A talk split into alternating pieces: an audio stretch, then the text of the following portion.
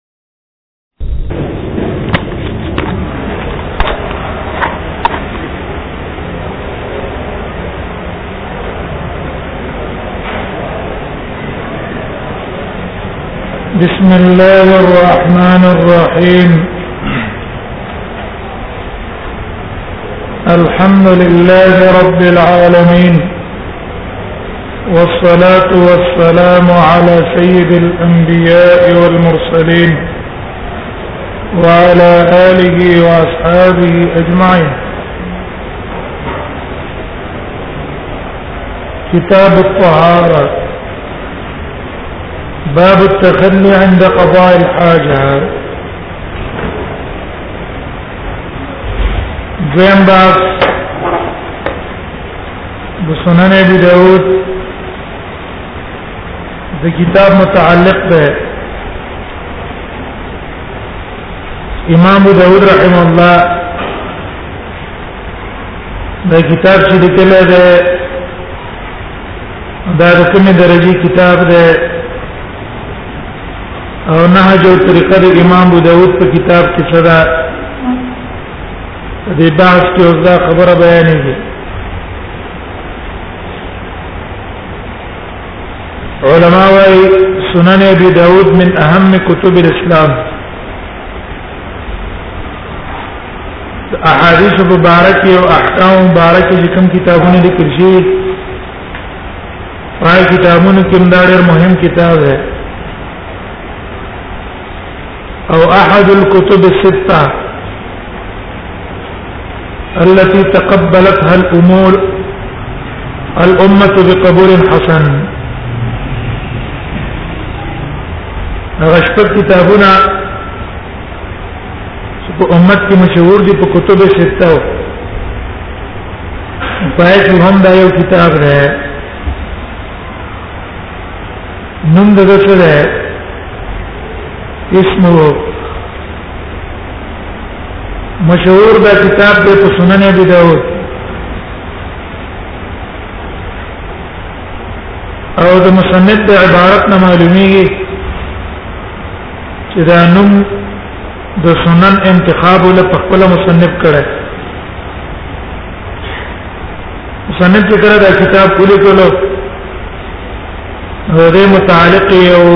رساله ولیکله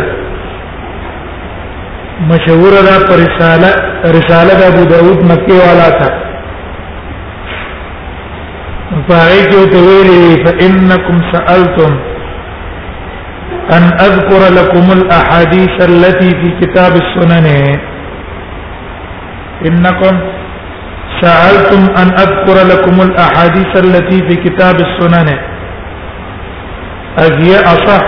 ما عرفت في الباب تاسو دا تاسو کړه ده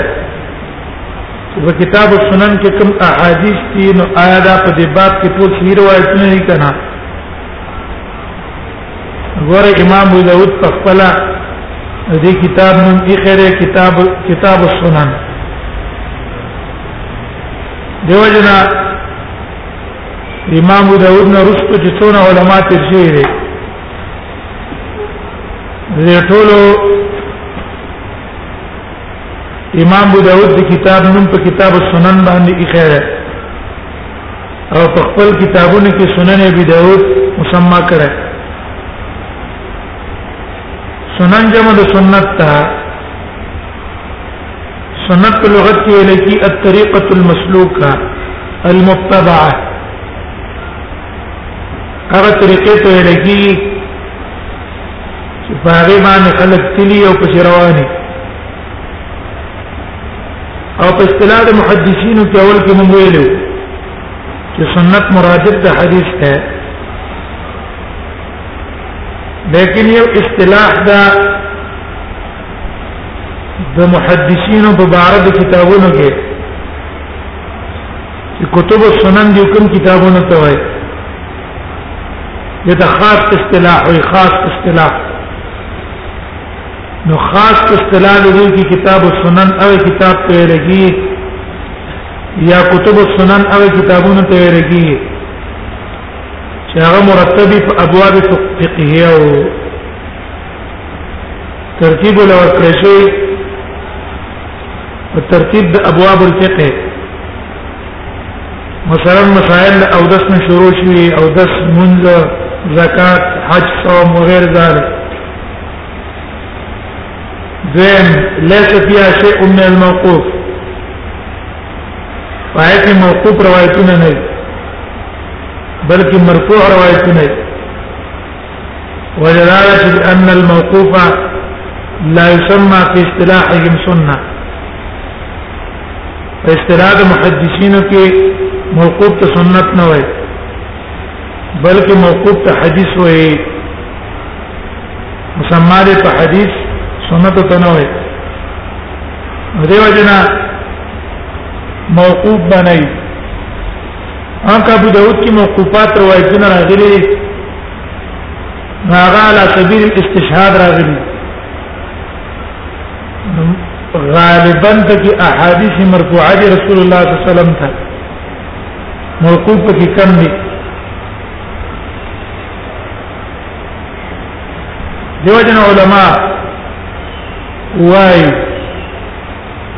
کتب السنه هغه چاته وي چې پکې درې شرطونه دي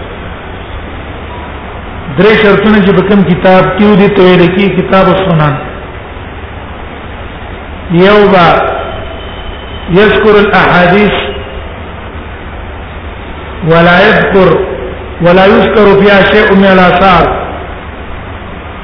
په کتب السنن کې به صرف احاديث ذکر کیږي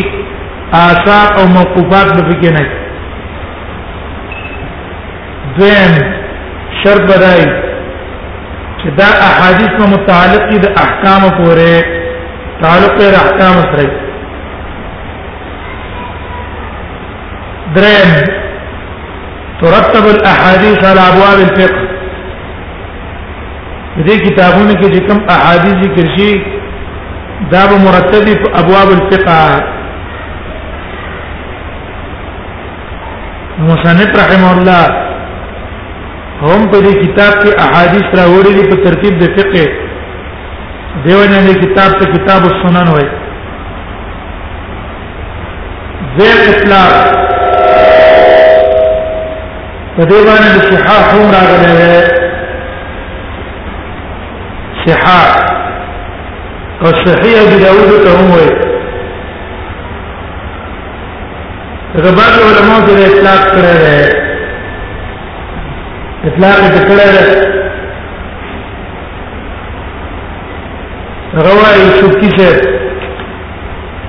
هي من دواوین الاسلام والفقهاء لا يتحاشون من اطلاق لفظ الصحاح عليها وإذا سنن ابي داود دا د دواوینو د اسلام نه ده ما دا هغه کتابونه نه ده چې د اسلامي احکام او مسایلو لپاره پوره یو دیوان نه دیوان اول فقهاء لا يتحاشون او فقهاء ځان نه ساتي د اطلاق د لفظ د صحاح نه پدې دته صحیح وي سنن ترمذی ته هم صحیح وي وعلى سنن ترمذی ولا سيما سنن ابي داود او خاص کر به سنن ابي داود ته خودي صحیح وي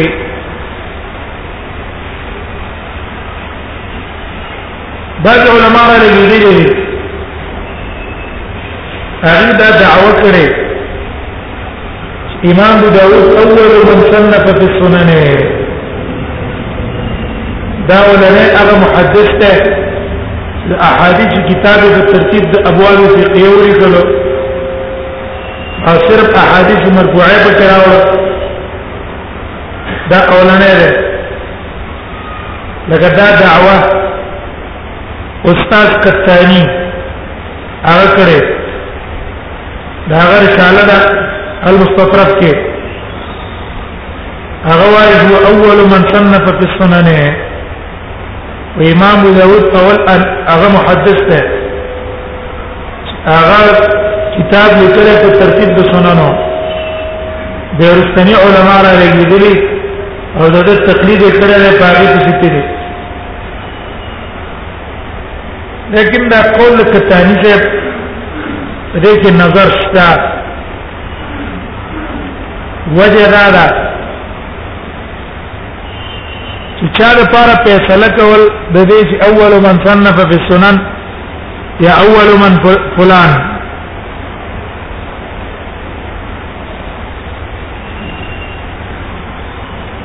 اول من معنی حکم کول چاله په اولیت باندې دا ګران کار دی وجدارا چې دا چاته معلوم نه چې دا اولانه دی کېږي چې دا مخکې چا بل کتاب لیکل غیر پار جزم بالاولیات دا ګران دی دیو نه خطابی سے بیره لګیدل دی هغه ویلي چې سیدا را چې په سننو په ترتیب کې چې کم کمال د کړه ده نو دا سبقت د کړه ده بل چا د پرنګ ترتیب دا چې کتاب په سننو کې نه لري کله هغه وايي خطابي شه وايي خطابي شه ان ابا داود لم يسبق الى الاجازه في جمع السنن امام ابو داود نه په کروالي د سنن کې چا سبقت نه کړه دوی نه هغه په معالم السنن کې وایي چې وجمع ابو داود في كتابه هذا من الحديث في اصول العلم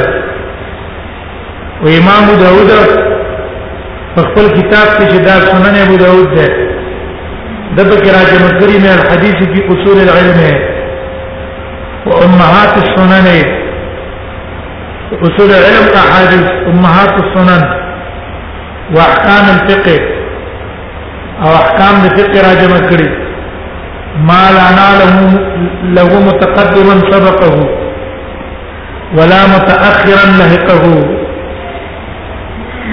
دا چې زمونږ ته څوک نه معلوم د امام ابو داود نه مخکې چا د کمال کړي او نه راته بل د څوک معلوم نه چې رسته چا د کار کړي د دونه کمال په دې ترتیب کې دی کتاب کې کړه او رسته وت معلوم شي دون مسائل او احکام په سنن ابو داود کې دون احکام او سنن په یو کتاب کې نشته نه په بخاری کې شته نه په ترمذی کې شته نه په بل کې شته رجدي کې څونه مسائل او احکام دي ثناء العلماء على على السنن علماء د سنن ابي داود چې کوم توصيف کړی دی دا توصیف د وجنه به موږ ته درجه د کتاب معلومیږي دا کتاب په څونه درجه کې ده ابو زکریا الساجی دا قول له هغه کتاب الله اصل الاسلام وكتاب السنن لابي داود عهد الاسلام دا الله کتاب چې قران نه اصل الاسلام دا د اسلام اصل له او سنن ابي داود دا تفصيل له اسلام عهد الاسلام عين هي دال عهد الاسلام دا د اسلام تفصيلات په دې کې ابن الاعرابي دا امام داود شاګرد او یو راوی هم ده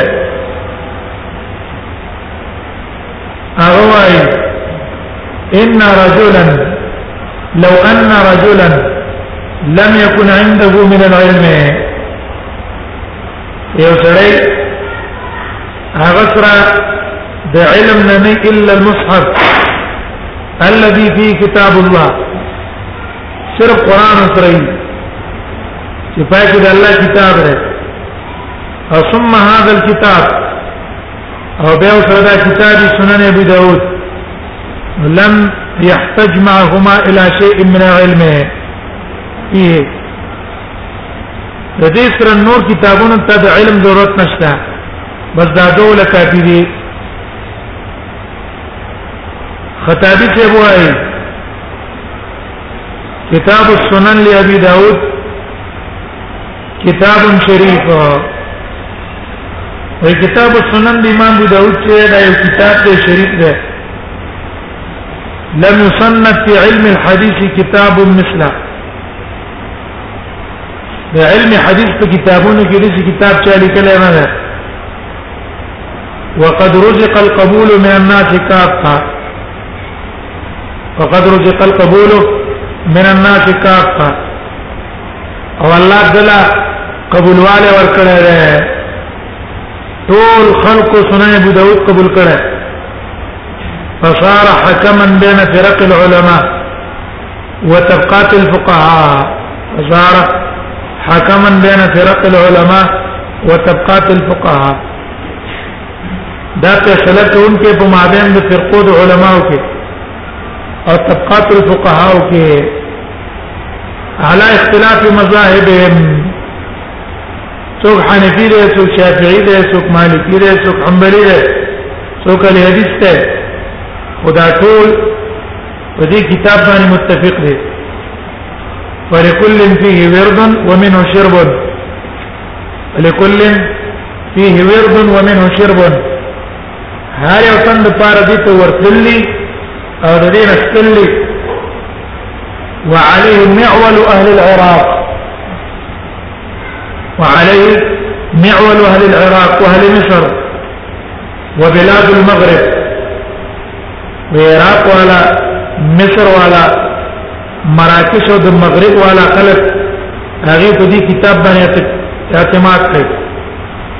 او كثير من مدن اقطار الارض كثير من مدن اقطار الارض او ډېر کسان په دنیا کې چوشيږي د هغه اعتماد په کتاب ته ابو داود ده بیا وی اما آل خراسان وی خراسان والا چې دي اسلام افغانستان پاکستان هندستان فقد اولع اكثرهم بكتابي محمد بن اسماعيل ومسلم بن الحجاج وي اکثر دی په بخاری باندې او د امام مسلم په کتاب باندې عاشق دي او من نحا نحوهما في جمع الصحيح یا هغه څو چې صرف احادیث کتابون سید سنې جمع کړي على شرطهما في السبت والانتقاد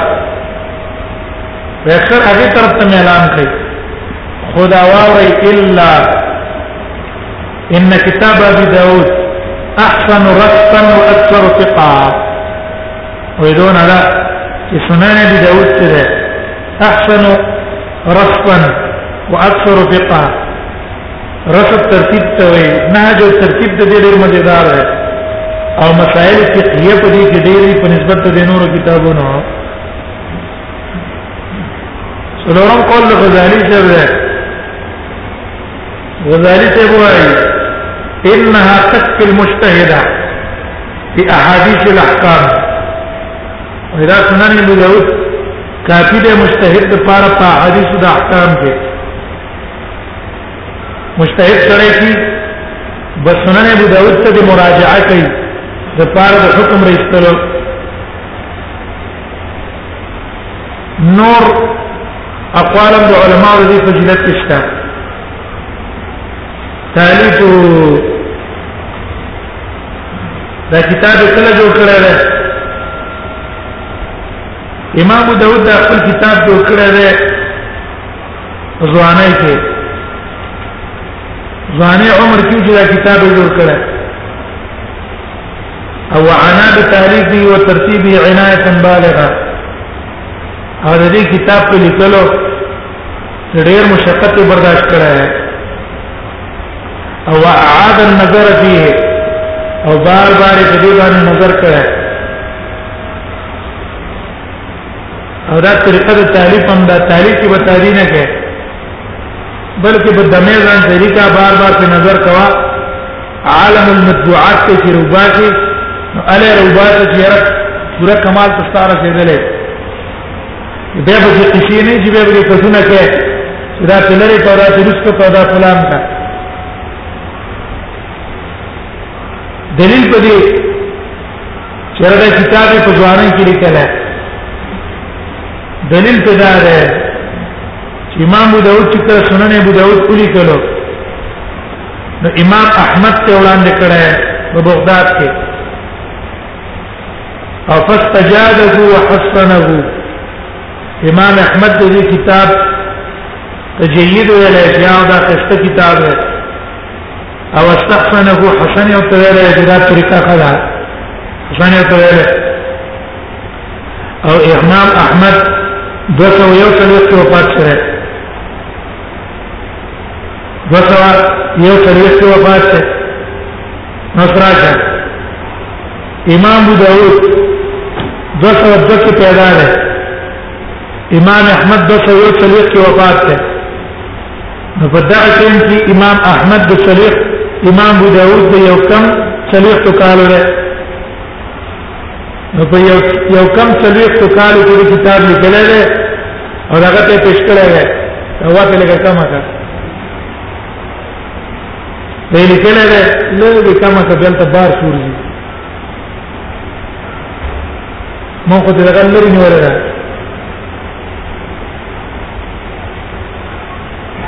نو امام احمد ته ورپېښ کو او دا وخت تعریف کړه وش امام ابو داود او امام احمد د سوره صلیخ کې پات وفات ده نو د دینه مخکې دا کتاب خامخا لیکل دا یې سره چاته ورپېښ کې خو مخکې لیکل نو د بغداد دراتو نه مخکې دا کتاب په ترسوس کې لیکل امام احمد وايي اقمت بترسوس 20 سنه اكتب المسند وإذا په ترسوس کې شل کال مقیم وما او التم سنن ابي داود لیکلو اكتب المسند شل کال کې نو دا سنن ابو داود لیکلو مثالور در احادیث مې کې لیکلو ها چې شل کال دراتګ یې مخکې لیکل د امام ابو داود د وخت څو کال عمر ده نور له شو کالو د نور له شو کالو په ځواني کې په کتاب کې څه کړي تعلیف کی شروع کړي او شل کال کې لګولي او بیا دا غي نه رښتو سلويخ کال دې کتاب تدریس کړی دی سلويخ کال سلويخ کال تدریس کې په اخر کې د ازمن تاسو کومه نسخه ده دا خرانه نسخه ده چې امام ابو داود نه نقل شوی سليمان الاشعري السجستاني في المحرم سنه 75 و200 دا کال چې په دې کال کې امام ابو داود وفات شوی دا خرانه نسخه ده نو دون اهتمام د طالب کړه ده روایاته امام داود نه دا کتاب را نقل شوی دی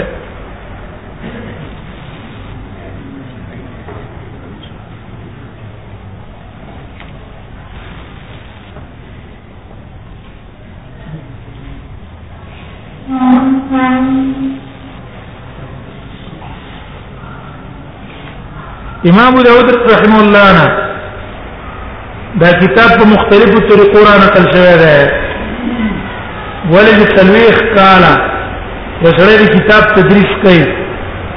او په هر کال د سره بیا عدد طالبانی نو څو نقل به شي ډیر نقل وای لیکن علما هغه روات چې کوم د سنن ابو داود نسخه نقل کړي دا هغه تقریبا ذکر کړی دي نه هغه نه کسان دي چې موږ په تلاميذو کې هغه ذکر کړو اولنې راوي ابو علي ده ابو علي محمد ابن احمد ابن عمر اللؤلؤي ابو علي محمد ابن احمد ابن عمر اللؤلؤي یو دا ده او د روایت کې ده دا زمونږ تاسو مخه ته کومه نسخه ده دا نسخه هم ده ده احمد محمد ابن احمد ابن عمر اللؤلؤي د روايتونه چې دي من اصح الروايات په ټول روايتونو کې اصح روایت ده وجدال لانها من اخر ما املا ابو داود دا خرنه روایت چې امام ابو داود د املا کړی هغه کال کې چې امام داوود په کې وفات شوی دی 215 کې او بیا د ابو علی نه دا روایت قاسم ابن جعفر ابن عبد الواحد ته نقل کړه هغه روایت نقل کړه قاضي ابو عمر القاسم ابن جعفر ابن عبد الواحد او دا غنه روایت نقل کړی دی ابو بکر احمد ابن علي ابن ثابت البغدادي ابو بکر احمد ابن علي ابن ثابت البغدادي هغه نه دا روایت نقل کړه او کان ثقه امینه او بیا دا هغه موږ ته سند راغلی دی سند به ورستو ذکر کوو چې کله کتاب ته ورتجیو دا هغه نه پلان کې نقل کړی پلان کې پلان کې نقل کړی دا موږ تر ورسېدو دا من صح روایت ده دیم روایت ده د ابو بکر محمد ابن بکر ابن عبد الرزاق محمد ابو بکر محمد ابن بکر ابن عبد الرزاق ابن داسته السمار دا وفات شوی دی په 346 هجری کې دا روایت دې مشهور ده دا روایت مشهور ده او خاص کر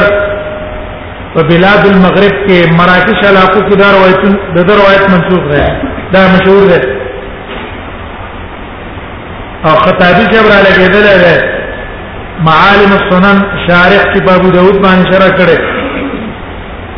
هغه دا نسخه خپل د ابن داستان په خپل ویلې و ابن داسنه په خپل ویل هغه وايي قرات ولا ببکر بالبصره او دا روایت چې د دې نسخه معنی د روایت ابن داستا او د روایت د لولوی کې اختلاف لګ دی صرف اختلاف د تقدیم او تاخير دی یو نسخه کې باب مخکي او بل نسخه کې باب رسپي په یو نسخه کې به د حدیث مخ کې راوړی بلکې به رست راوړی دا اختلاف د تقدیم او د تاخير دی دیم عون المعبود والا هغه چې کوم شرح کړي هغه اصل کې په دقه نسخه باندې اعتماد کړي سیتی سے به روایت او اکمل روایت روایت هغه اکمل روایت ده دا نه کله تاسو په اورې کړو یا علی روایت کې راځي په سنت طریقه دا ده چې سره الله په لاس باندې کیږي نه نامه لاندې تبع ابو داود کې ګرځي دا خو نشته هغه دا ابو داود نه دا نسخه ده لولوی دا دا دغه ابن تاسفره هغه نسخه کې هغه روایت دی دې کې باندې وی اکمل روایت ده درم روایت د امام داود نه جدا کتاب نقل کړی ده او راوی ده ابو سعید احمد ابن محمد ابن زیاد الاعرابی ده ابو سعید احمد ابن محمد ابن زیاد الاعرابی دغه دا نسخه چې دا دې کې پورا واله نشته دا لکه ناقصه ده ولې دې په نسخه کې کتاب الفتن نشته هغه ته ورزيدل کتاب القرات په کې نشته هغه ته ورزيدل کتاب الخاتم په کې نشته هغه ته ورزيدل کتاب اللباس نیمه حصہ د کتاب اللباس هغه نه غرزیدل هغه به کې نشته دارنګ د کتاب الوضو او کتاب الصلاه او کتاب النکاح د هغه نیم نیم حصہ تقریبا ته غرزیدل نو دا نسخه ناقصه نسخه ده د ضیاء محمد ابن زیاد الاعرابي سلورم روایت ہے باب الحسن علي بن الحسن الأنصاري الوراقة أبو الحسن علي بن الحسن الأنصاري الوراقة وإذا نسخت كما لا دا د ابن داسته د نسخه تقریبا ده تقارب نسخه ابن داسته د ابن داسته نسخه ته دا قریبا ده بل روایت ته د ابو اسامه ابو اسامه عبد الملك الرواسي بل نسخه د محمد بن سعيد الجلودي ابو سالم ابو سالم احمد بن س... محمد بن سعيد الجلودي بل مسخره د امام ابو داود نے روایت نقل کړه دا ابو طیب أبو الطيب أحمد بن إبراهيم ابن عبد الرحمن الأشناني أبو الطيب أحمد بن إبراهيم ابن عبد الرحمن الاشناني هغه نسخه بل روايه ده ابو عيسى اسحاق ابن موسى ابن سعيد الرملي الوراقه دا دغه نسخه ده دا روایتونه د سنن ابو داود امام ابو داود نه نقل شوی تجزیه الكتاب دا کتاب په څو جزونو باندې منقسم دی امام ابو داود مکی والا ته خپل رساله کې لیکلي ان عدد كتب هذه السنن ويدتي سنن د کتابونو شمار څه ده دا اتل جزء د سره د مراکیدنا هغه اتل جلد ده هو الجلد نور ده په اخر کې مرسل او سجدا ده د راوی چې خطیب بغدادي ده هغه چې را لګېدلې د کتاب تجزیه کړي پر روایت د لولوی نو هغه تقریبا ډیر جزء باندې تقسیم کړي ډیر جزء کله چې زمانہ د طبعات رااله په یو مطبعه کې کتابونه چاپ کیږي نو په زمانه د تبعات کې به مختلف جلدونه دي زمون تاسو مخ ته په یو جلد کې چاپ ده بعضو کې دو جلدونه چاپ لري اول او دویم بعض یک مطبوع والا په څلور جزونه کې چاپ کړه څلور جزونه کې څلور مجلد دی اقسام الكتب وتدویرها امام داود چې په دې کتاب کې اج عنوانونه چې مصدر کړی دی په لفظ د کتابون سره یا هغه عنوانونه چې مصدر کړی دی په لفظ د بابون سره دا څونه دی امام داود کتاب شروع کړی د کتاب الطهارت نه مقدمه نه راوړی امام ابو داود ولې مقدمه نه راوړې کاردار دې د مقدمه راوړې وجدار دې سلويخ کال سره کتاب تدریس کی خامخا په اول سر کې خپل طریقه ذکر کړي زما د کتاب نه جو طریقه دا ده او زما عمل په کتاب کې بدی طریقه ده خپل رموز پکې کوي مصنف رحم الله چې رساله لیکله مکه والا کا نو بکاردار چې دغه څه د رساله مکه مقدمه د کتاب درځولې ولیکن مصنف د کتاب په سر کې مقدمه را نه وړه د امام مسلم په شان بلکې ابتداء سم دواره وکړه بسم الله الرحمن الرحیم کتاب الطهاره باب التخلي عند قضاء الحاجه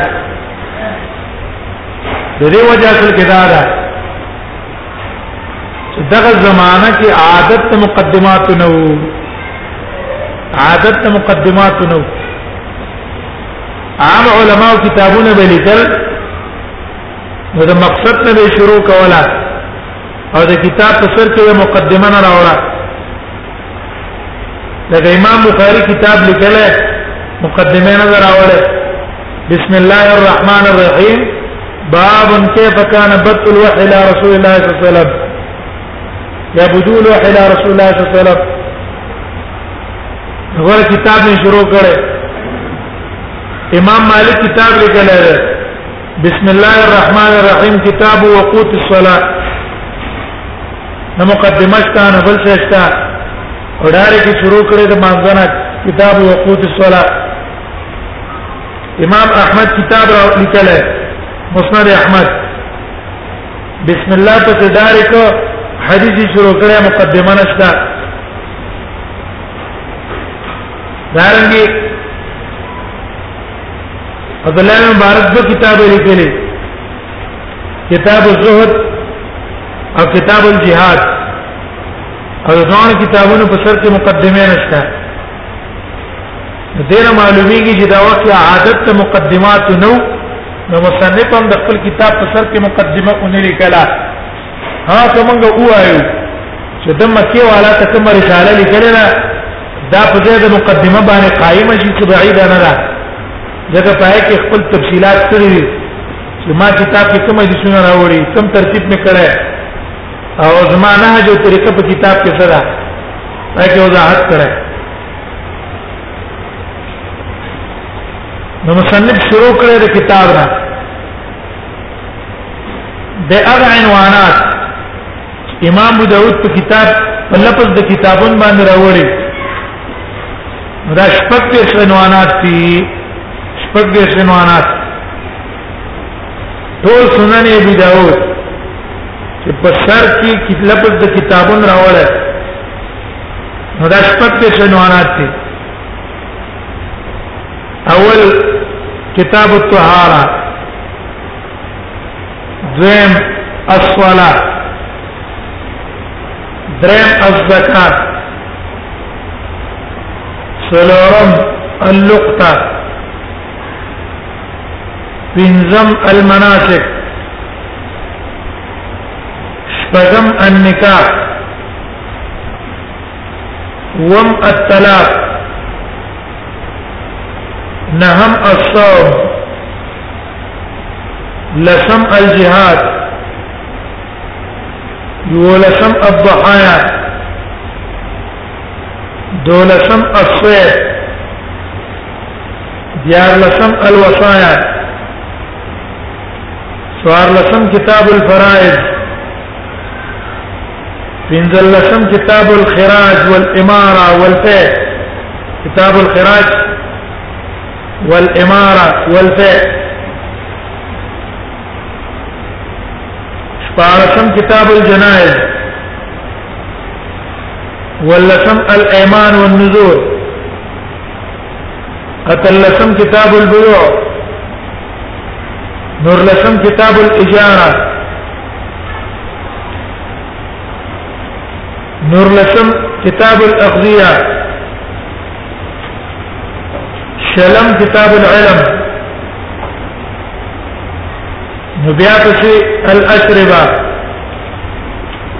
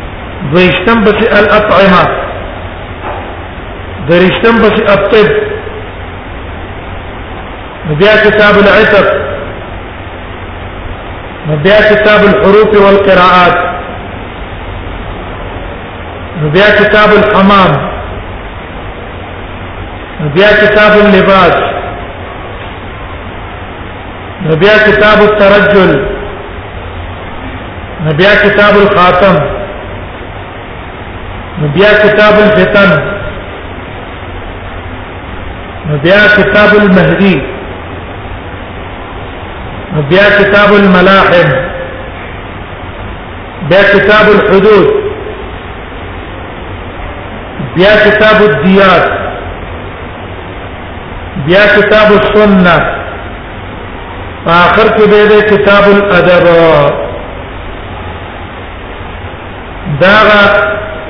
شپږ دېرش عنوانات شو امام ابو داود مصدر کړی په لفظ د کتابون سره بیا هر کتاب چې واخلې د دې لاندې به مصنف ابواب راوړي هر کتاب منقسم کړی دی ابواب ته صرف درې بابونه دي درې کتابونه دي چې دا هغه لاندې ابواب نشتا درې کتابونه دي چې دا هغه لاندې ابواب نشتا باقي نور ټول کتابونه لاندې بابونه دي لکه کتاب الطهاره باب التخلي عند قضاء الحاجه باب الرجل يتبوأ لبوله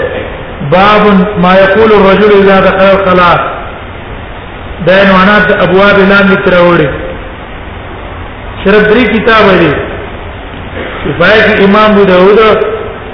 ابواب عنوان نه راوړی یو د کتاب اللقطه کتاب اللقطه کې تقسیم ابواب تنشا زم د کتاب الحروف والقراءات کتاب الحروف والقراءات صرف حدیثونه راوړي او ابواب داغه لاندې نشته او دریم نمبر کتاب المهدی ده کتاب المهدی کې صرف احادیث راوړي او د دې کتاب لاندې ابواب نه راوړي دا کوم کتابونو کې چې تقسیم ابواب ته کړه تقسیم یې کړی دی ابوابو ته د کتاب د عنوان لاندې بابونه راوړي دا کتابونه موږ به متساوي نه دي مثلا کوم کتاب لاندې څونه بابونه دا بل کتاب لاندې بندونه بابونه دا بل لاندې بندونه بابونه متساوي په عدد کې نه دي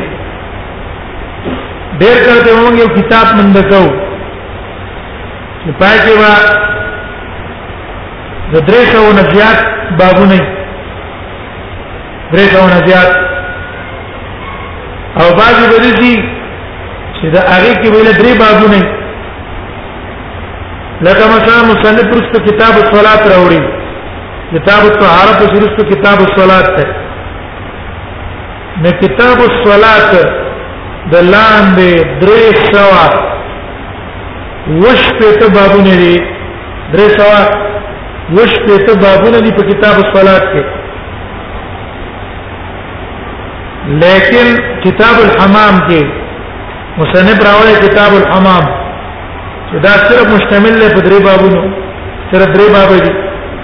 نو په یو کتاب کې درې سوا وش پته او په بل کتاب کې صرف درې بابونه پته ولګېدل چې دا متساوي نه دي هکله کله مصنف تسم کوي چې عنوان د باب کې دی عنوان د باب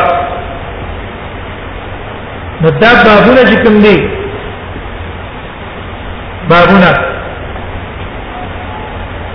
د دې باب لاندې به ډېر ابوالي مثلا مصنف باب دی باب تفریع ابواب الجمعه باب تفریع ابواب الجمعه به دې باب لاندې بابونه راوړي دې باب لاندې بابونه راوړي نو تقریبا باب التفریع ابواب الجمعه لاندې مصنف اتدرش ابواب راوړي اتدرش ابواب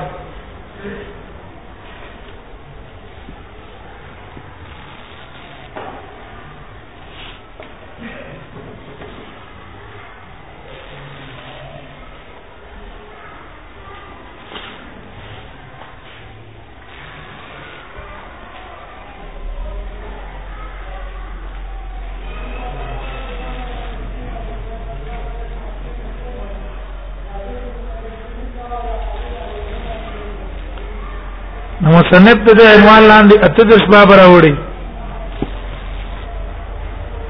دارین بل بابي کړه جمع ابواب الاستسقاء وتفريعها دا غیلان د مصنف درې باب راوړي هم دا خپل مصنف چې کوم د کتاب لاندې عنوان کې خیر د بابون نو دا بابونه غوړه متساوی نه دي په مقدار کې اگر کو د امام ابو داود طریقه دا ده چې هغه باب لن راوړي دې وګد نه راوړي لن احادیث پکې راوړي وګد نه راوړي ورسته موږ بیان وکړو نو کله د مصنف رحم الله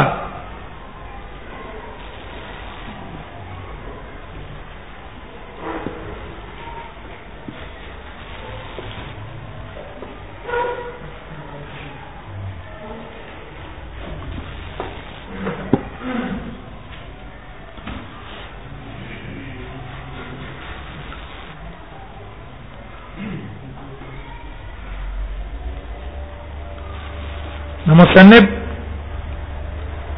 رحمه الله باقی دی د باب دون اوګدي تقریبا د صفحې نه وړي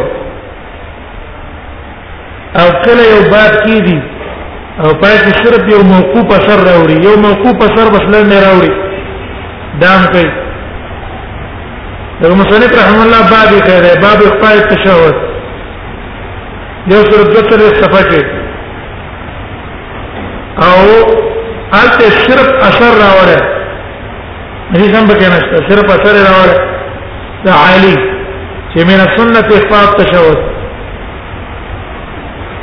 یو امام ابو داود رحمه الله مکی والا ته کوم رساله لیکلې ده هغه رساله کې دا وته لیکلې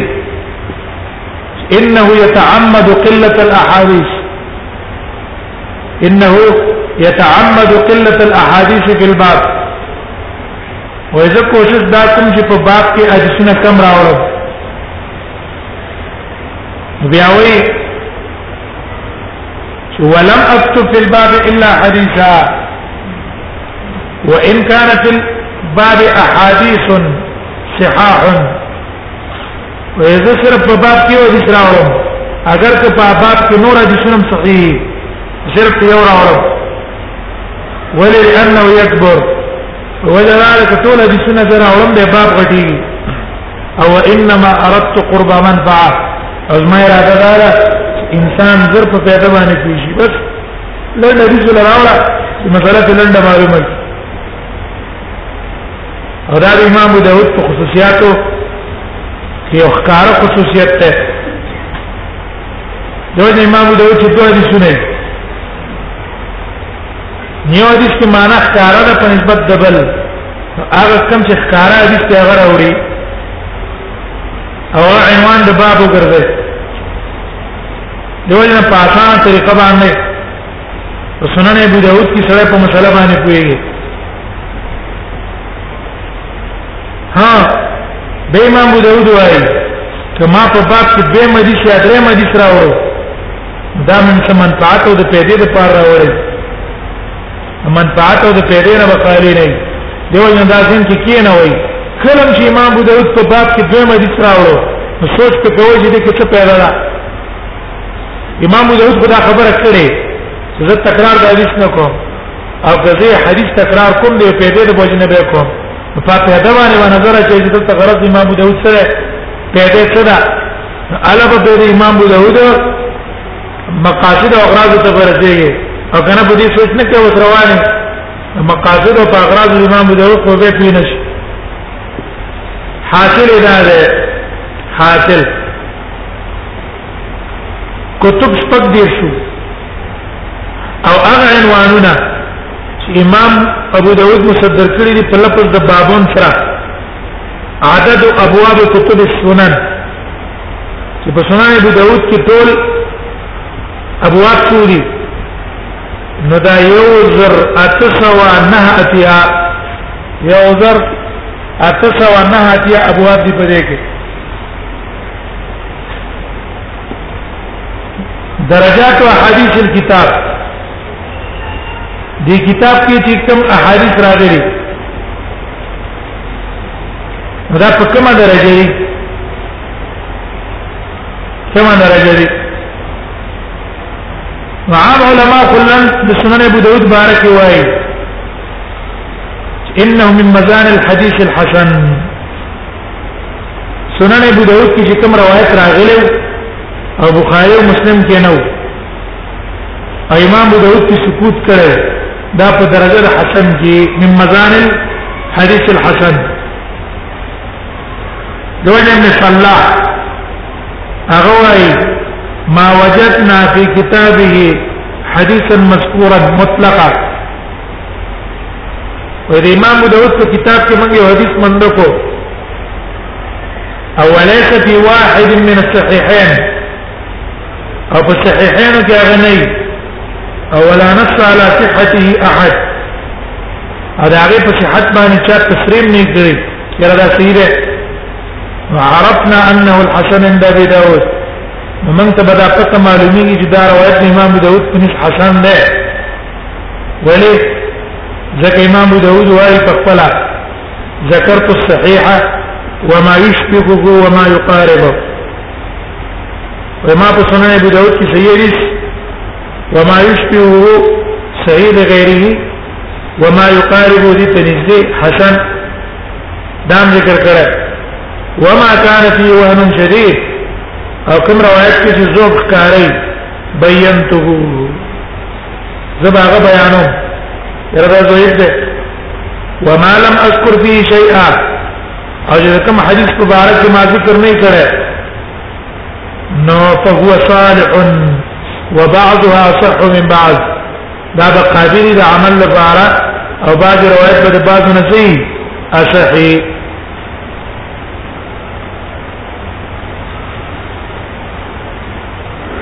سنن ابي داود حاصل ناشو سنن ابي داود احاديث متفاوت المراتب دي صحیح پکشتا کوم روایتونو د امام ابو داود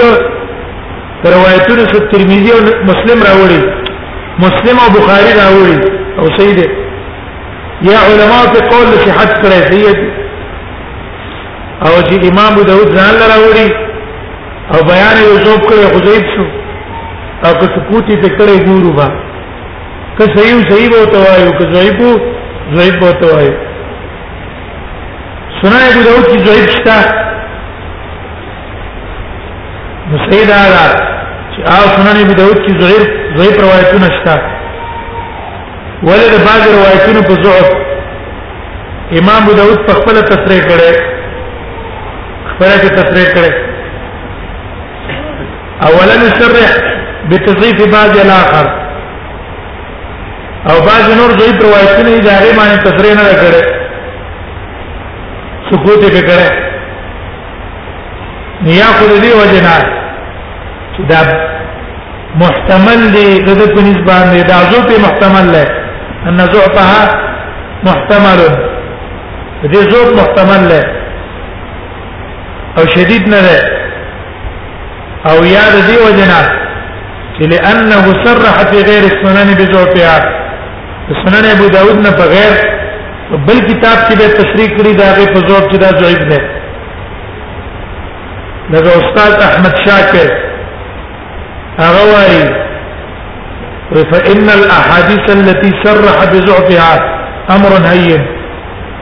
هغه حدیث امام داود تصریح کړی دا غي په زور دا خبر آسان ده وکذالک الذی سکت عنها هغه روایتونه چې امام داود دا غي نه سکوت کړي او اخرج الشیخان او احدهما امام بخاری یا امام مسلم دوه راوړي یا یو پکې راوړي وهي صحیحه دا روایتونه صحیح واما الاحاديث التي سكت عنها کوم احاديث نه چې امام ابو داود سکوت کړی دی چپ شوی دی او وليست من هذا القبيل